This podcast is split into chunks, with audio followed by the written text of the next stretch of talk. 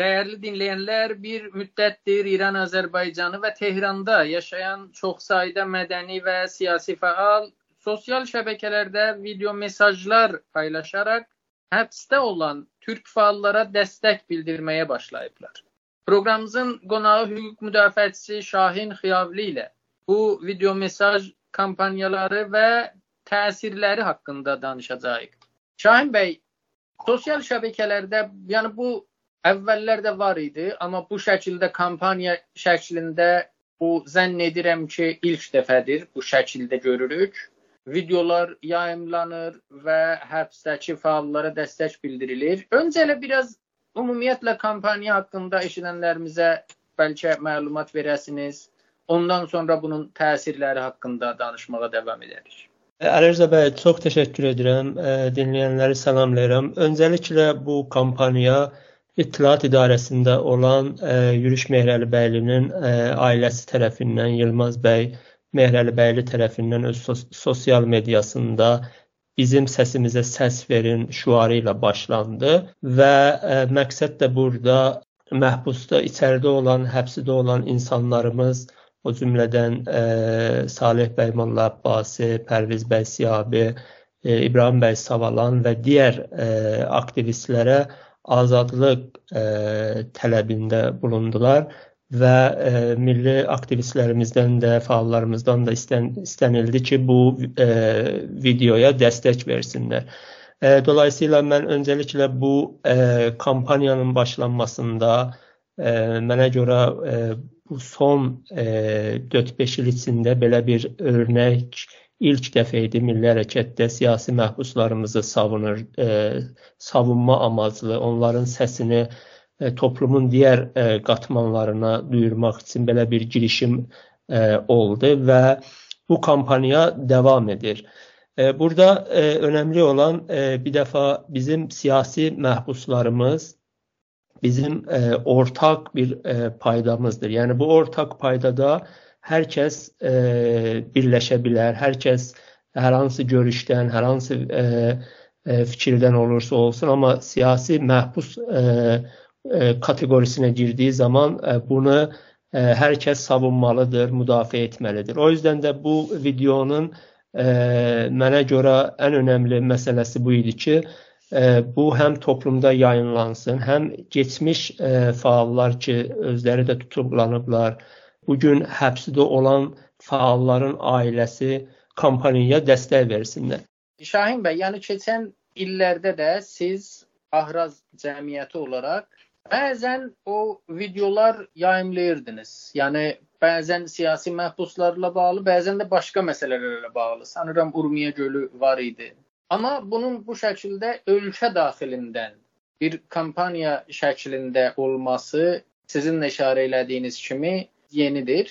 Nə deyirsiniz bunun təsirləri ilə həm ümumiyyətlə bu şəkildə siyasi məhbuslara dəstəyin təsiri, həm də bunun ölkə daxilində olmasının əhəmiyyəti haqqında. Məqsəd e, burada biz Əhrazda bu e, sürəci başladığı e, başlatdığımızda məqsəd bu idi ki, o e, var olan taboyu e, sındırmaq. Çünki bizim e, fəaliyyətlərimiz, ümumiyyətlə apardığımız o kampaniyalar, o video kampaniyaları ya çevrə məsələsidir, ya da ki, bu məhbuslarla bağlı. E, ona görə də bu hər hansı bir siyasi e, ə, siyasi amac da daşımırdı. Bir ikincisi də ə, burada ə, özəlliklə içəridə o aktivistlərin səsini alıb təkrar ə, digər ə, aktivistlərə, topluma yaymaq məqsədidir və ona görə də indi sırf elə bu ə, video kampaniyası da ə, bu ə, mənə görə ə, bu məqsədi daşıyır. Yəni ki, içəridəki o fəalların, aktivistlərin səsini alıb ə, bir nevidə bunu ə, fərqli sosial medialarda yayınlanması ilə bərabər bu ə, mesajı içəridəki aktivistlərin bu məsələyə, məhbuslar məsələsində ya başqa məsələlərə diqqət yetirməsi məsələsidir.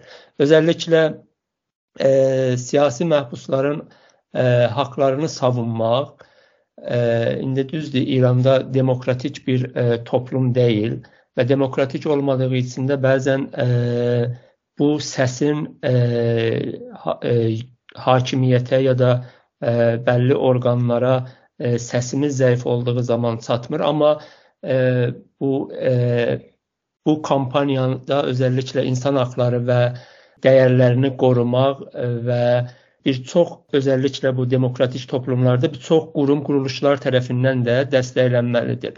Birinci ən önəmli məsələlərdən birisi bu dayanışma və dəstək məsələsidir ki, bu e, həm siyasi məhbusların e, ailələrinə bir türlü ə, dayanışma, o dəstək mexanizmasını sağlamaq, digər tərəfdən də o məhbusların e, və məhbusların ailələri özlərini yalnız hiss etmələrini əngəlləmək e, amacını da e, sağlayır. Bir nevi də onlara moral verməkdir.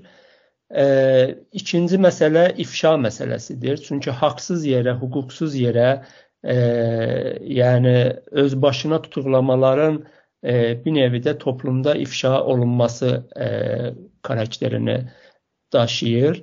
Bəzən bu e, kampaniyalar e, daha geniş olduğu zaman, hətta belə İran kimi e, bir e, ölkədə də bəlli dəyişikliklərə səbəb ola bilər.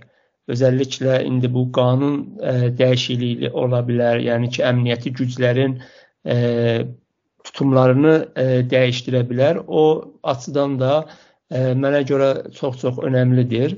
İkinci e, bu toplumsal fərqindəlik və e, bir nevi də e, bir baskı mekanizmasını oluşturmaqdır. Yəni bu e, tutulan ailə, tutulan məhbusların e, durumlarını diqqət yetirmək. O həm daxildə ola bilər, həm xaricdə ola bilər və bir nevi də bu bunların səsini e, indi uluslararası insan haqlarına çatdırmaq. Mən e, inanıram ki, bu e, kampaniyalar, özəlliklə bu e, siyasi məhbuslarımıza siz də səs verin. E, bu kampaniya genişlənərsə, daha çox insan e, bu məsələyə e, qatılırsa, mən fikir edirəm ki, bunun e, həm e, e önümüzdəki sürəclərdə bir təcrübə əldə edə bilir, əldə etmiş olarıq və eyni zamanda da ki, bu e, ümumiyyətlə Ərəza bəy milli hərəkətin içində bir tabo vardır. Yəni bəzən e, bizim özümüzə dəfələrcə e, bilgi gəlib ki, e, tutulan ailələ, ailələri ittilat, hədə qorxu gəlir. Əslində burada o tutulan şəxs e, ittilatın hədə qorxu gəlməsinə ki, əgər bunun e, bu şəxslə bağlı hər hansı bir bilgi dışarıya sızarsa e, daha bunun cürmü çoxalacaq. Bu məhkumiyyəti daha çox olacaq. Oysa ki baxdığımızda elə bu şəxs ki tutulur və e, məhkəmə hökmü alır və zindan çəkir, yəni ki əslində heç bir dəyişiklik olmur. Burada önəmli olan e, ailəni ailələr başda olmaqla o tutulan şəxsin ətrafındakı insanlar və özəlliklə e, hər bir aktivist e, keçmişdən tutulubdur və bu gün də fəaliyyət edir, sabah da tutulma imkanı vardır. Bu türlü kampaniyalarda ön planda olmalıdırlar. Yəni bu kampaniya indi neçə gündür başlayıbdı. Bəlkə mən şəxs olaraq baxdığım zaman mənim o bəkləntimin aşağısındadır. Çünki e, düşünürdüm ki, bu kampaniya daha geniş bir kitləyə, e, kitlə tərəfindən e, yayınlanacaq və mən e, düşünürəm ki, inşallah bu önümüzdəki sürəcdə e, o aktivistlərin bir çoxu bu kampaniyaya qatılır. Çünki bir dəfə bu kampaniyada 30 saniyəlik bir e, siyasi bir məhbusa, insan haqları aktivisti olan məhbuslara, çevrə bunlara dəstək vermək hər hansı bir cürm təşkil etməz. Şahin bəy, bir məsələ də biz keçmiş müsahibələrdə də sizinlə danışdıq bunu. O da İran Azərbaycanında istər siyasi məhbuslar məsələsi olsun, istər başqa insan haqlarının pozulduğu mövzular olsun, sahələr olsun. O da bu idi ki, bunlar sadəcə yəni elə davamlı olaraq insan haqları sahəsində fəaliyyət edən qurumların işi olmamalıdır. Bu biraz da yayılmalıdır. İndi bu video mesaj kampaniyası o daha öncə danışdığımız o məsələni, o qayğını da bir nöqtədə həll edə bilərmi? Sizin ümidiniz varmı? Yəni bu e, özəlliklə Yürüş bəyin ailəsinin e, bu məsələdə bütün o baskıları, bütün o e, əmniyyəti, o baskıları diqqətə aldıq, aldıqlarında bu məsələdə belə bir girişkənlikləri məncə çox-çox önəmlidir. Biz daha öncə də danışmışdıq ki, yəni bir dəfə burada e, siyasi məhbusu ən yaxşı savunan o, o şəxslərin ailələridir. Çünki bizlər e, insan haqları qurumları yox, aktivistləri yox və bəlli bir ölçüdə savuna bilirik. Amma amma o e, məhbusun ailəsi, yaxınları və özəlliklə keçmişdən e, keçmişdəki tutulan aktivistlər e, bunlar da bu kampaniyaya qatıldıqları zaman bu daha da çox fərqli bir aşamaya keçə bilər. O yüzden də mən sizə qatılıram ki, yəni burada daha öncə də danışdığımız kimi sadəcə insan haqları qurumları olmamalıdır. Yəni ki, sırf bizim 2 dənə, 3 dənə insan haqları qurumumuz vardı, 4 dənə, 5 dənə məsələ aktivistimiz vardı ki, bunlar bizim səsimiz olacaq. Bununla yetinməmək lazımdır. Bu e, bu siyasi məhbuslar başda dediyim kimi bizim e, ortaq dəyərlərimizdir və bu ortaq dəyərə hər kəs sahib çıxmalıdır. E, bunun xaricdəki e, siyasi təşkilatından tutmuş cəmiyyətlərinə qədər, e, akademiklərinə qədər, ondan sonra hər kəs bu e, e, alanda bu insanlara dəstək vermə, vermək vermələri lazımdır.